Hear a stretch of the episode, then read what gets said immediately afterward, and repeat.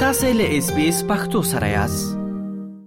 خغلی خالد جانباز صاحب نړۍ مننه چې له اس بي اس پختو خبرونه سره خبرې کوي لومړی خو تاسو سره مشویم السلام علیکم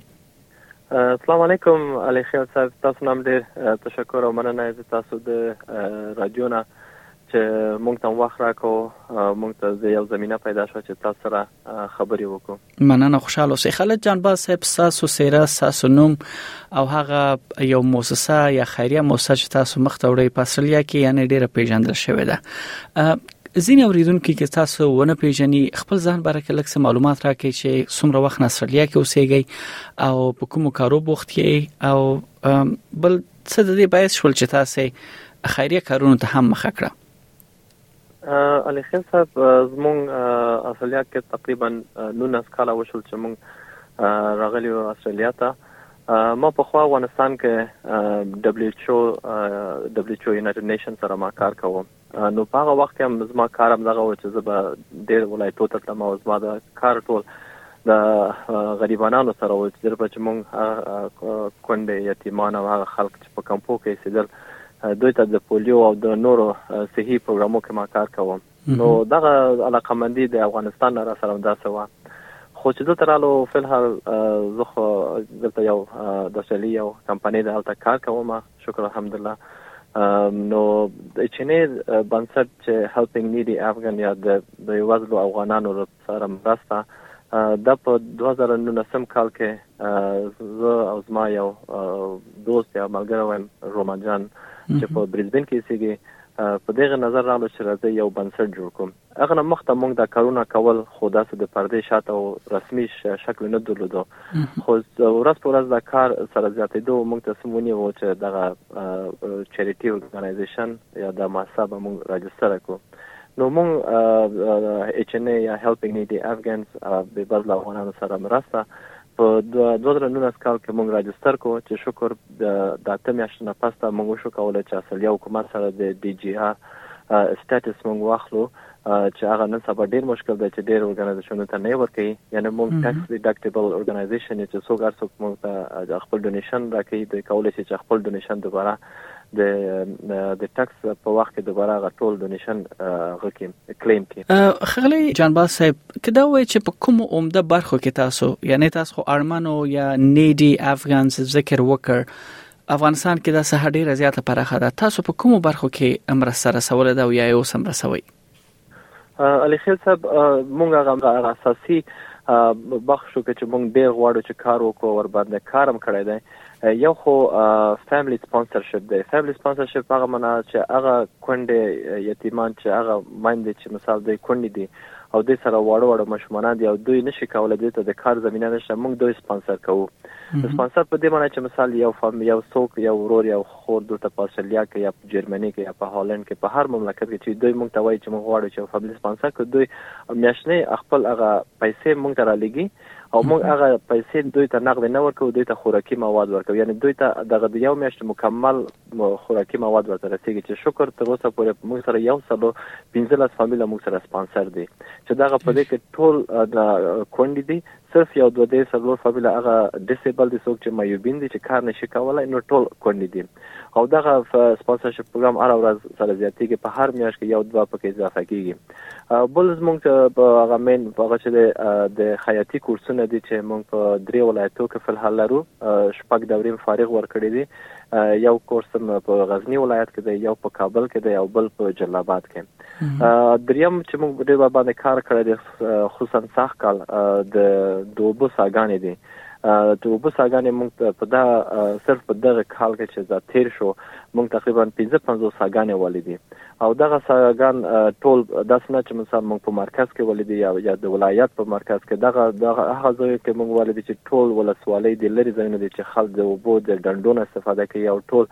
د صحي تکلیفو سره د بوخت دي نو د لپاره موږ هلته ساګان ولیدې او زموږ نور یو غټه پروژه چې شکر دغه تقریبا شپږ میاشتې کېږي چې موږ شروع کړې ده د هیلت په برخه کې ده چې په هیلت برخه کې موږ درې سیکشنه کور کوو چې یو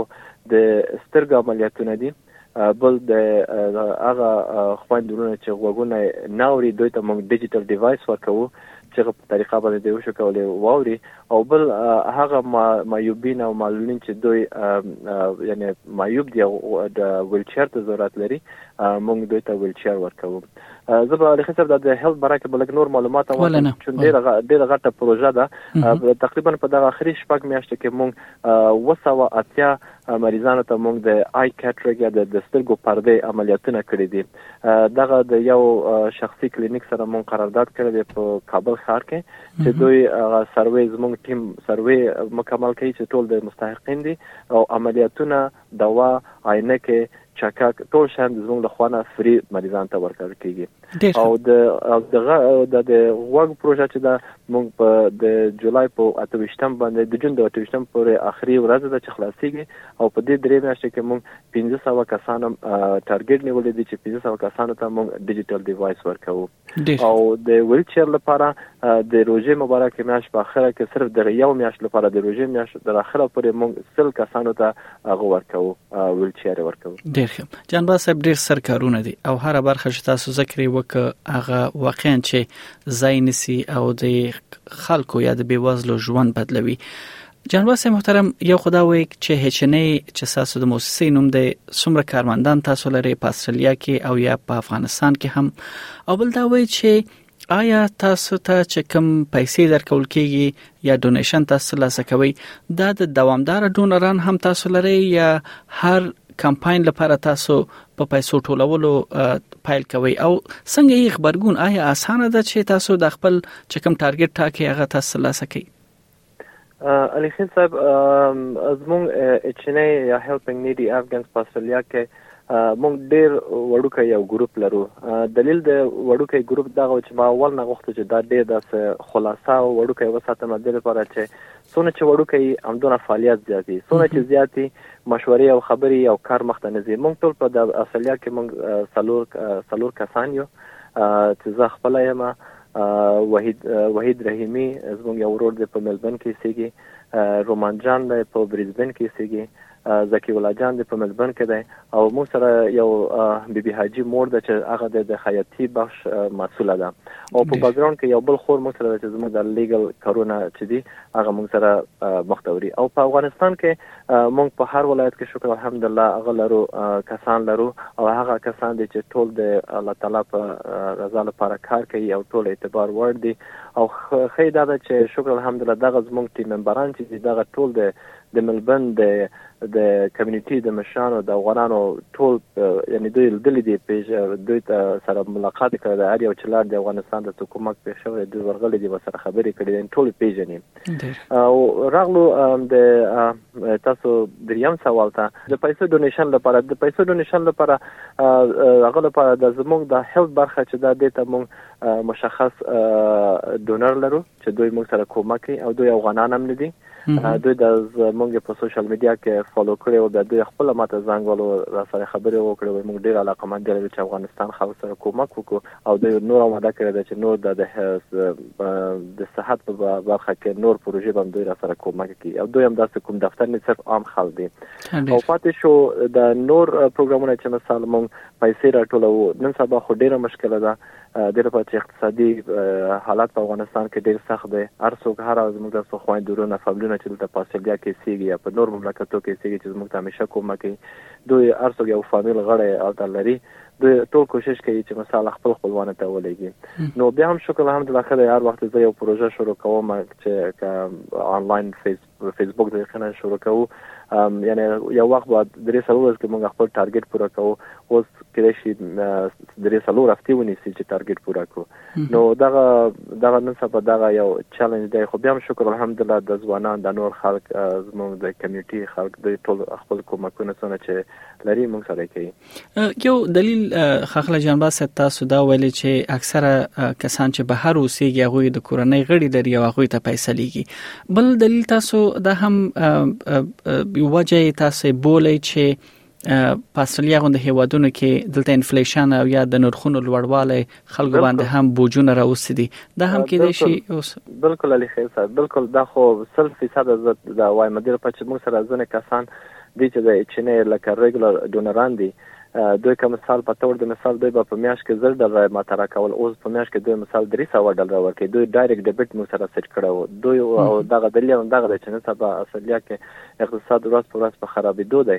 د مثال قیمتي زیاته ده انټرست ریټ د کورو ارڅو کور لري انټرست ریټ جګ شوی دی ریپیمنټ د کورونه زیات دی کرایه جګه ده اقتصادي حالت یې ډیر سخت دی او ماشونه او انکم هغه دی نو د لپاره خلکو لپاره ډیر اوس سخت شوی دی دا د خو بخي یو یو هغه مهم دی لم دغه دی صحیح زه به یو بل اړخ ته هم راځم ولې که تاسو دا هم وایي چې د روژې په میاشت کې آیا ساسو د ډونرانو چې کوم تاسو پیسې درکوي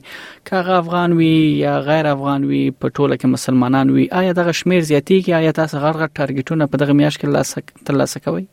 او بالکل لخیل صاحب په روژې میاشت کې لکه چې څنګه ما تاسو ته وخت وویل چې اوس ما به تور د مثال ما 15000 ډالر یو فند ریزینګ ما شروع وکړو د روژې مبارک میاشت لپاره څو ورځې د روژې نه مخته اوس بیا موږ تاسو نن اتمه نه هم روژه کې یو هغه ټارګټ په پوره شو په پوره کېږي 15000 پوره کېږي خو صرف یو آنلاین دی خو موږ ته خلک په پیپل کې هم پیسې را لګي په ویب سایټ باندې هم را لګي او فل حال تر اوسه پورې موږ هغه خپل ډونیشن چې تر اوسه را ټول کړی دی اتم د روژې پورې موږ تقریبا څلوېښت پنځه څلوېښت زرونه موږ زیات را ټول کړي دي او دا ټول تر اوسه پورې افغانستان شپږ ولایتو ته رسیدلي دي چې تقریبا زیاتر د دوه سوه څو فامیل ته موږ مثال هغه ډونیشنونه ټیر کومکونه ورسیدلي دي او هغه ټول په سوشل میډیا کې موږ پوسټ کوو دغه نه دی بل د نه ډیر خلک چې روژې میاشت خو مبارکه میاشت ډیر غواړي چې دوی خپل هغه زکاتونه وباسي زر په زکات په کال کې یو ځل کېږي نو دوی ټول یو عقیده د ټول سره شته چې پر روزي مبارک میاشت کې زکات ډیر ثواب لري دوی خپل زکاتونه وباسي نو زمونږ کارونه ډیر زیات دي مثال په تور مثال مونږ روزي میاشت کې فود پیک لرو او په څنګ کې موږ افطاری پروګرام لرو چې په ورځ کې 200 300 اوس خو شروع ده یا موږ اعلانونه هم نه دي تیر کړي په الحال موږ شروع کړي دي په ورځ د وجمات لپاره 200 300 کسان ته موږ وجمات ورکو او هم چې نن موږ د بیکری پروګرام لرو چې نن ویانو سره قرارداد کوو خلک راځي ډوډۍ اخلي د ټول مبارک میاشت لپاره نو معلومدار ډیر غټ تفاوت لري واقعا بل جنرال صاحب په دغه میاش کې څومره تمه لري چې څومره پیسې به تاسو یعنی راټول کړئ او په افغانانو به وویشئ د پروسه کال روزي میاشت تجربه نه چې زه وایم موږ اته ویشت ولایتو سره موږ کومک وکړو خو موږ یو داسې یو صحیح هغه ته تعین کړی و چې باید هر ولایت ته په همغه یو مقدار باندې موږ کمک وکړو پیسې موږ نه ساتلې چې پیسې راتللې زر به سبا ته ورلګلې او هغه فوډ پیک باندې توزیع کول نو موږ پر اوسه کله 28 ولایتونو سره کمک او هر ولایت کې 50 50 فامیل سره موږ کمک کړی و سخت کال موږ داسې حساب وکړ خې د اقتصاد اقتصاد هم خراب دی او مشکلات هم زیات دي موږ په هر ولایت کې موږ څلوي څلوي فامیل په نظر کې نیولې دي او زما ټارګټ په دې میاشت کې د یو لک نه زیات دی او ان شاء الله دا پوره کیږي او دغه د صرف د فود پاک بنې دا ان شاء الله د فود پاک او د افطاری او د بیکری به ټول به او دا ان شاء الله په سان سره به یو لک نه زیات پوره شي ډیر ښه زما ورسې پښتنه جانباز صاحب تاسو څخه دا ده چې سره د دې چې په استرالیا کې هم ژوند لکه څنګه چې هغه زینو وجوهات ته موږ تاسو اشاره وکړه چې فشارونه اقتصادي شته د کورنۍ باندې ول تاسو د افغانانو حال هم په افغانستان کې معلوم دی سره له دې مشکلاتو چې افغانان ورسره دلته مخ دي څومره مهمه ده څومره مهمه ده چې دوی د خپل مرستې هغه خپل توان سره جاري وساتي افغانستان کې بیوزل سره وکړي علي خیل صاحب زه به خپل فامیل مثال تاسو درکوم ټول ما پیژني په دا ملبن کې ما 19 کال ژوند کړی دی فامیل مې پیژني ما خپل پیژني زه به خپل سر نه خپل ځان نه به شروع وکم ما خپل ځان نه ما شروع هم کړی دی هغه د خارجانو یو خبره دا وایي چې لید بای ایگزامپل کنه هر څوک به اول خپل ځان نه شروع وکړي یعنی زه پیګم چې موږ تاسو دلته اقتصادي مشکلات لرو زه پیګم چې مثال دلته ورځ پر ورځ قیمتي زیاتېږي د هر څه یعنی ورځ پر ورځ خو دا چې مقایسه کې تاسو د افغانستان سره چې افغانستان په کوم بد حالت کې دی موږ تاسو بیا